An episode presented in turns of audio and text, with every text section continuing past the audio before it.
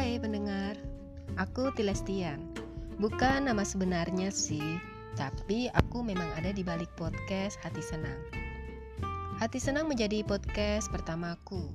Hanya mencoba, tapi kalau memang membuatmu senang, aku pun ikut senang.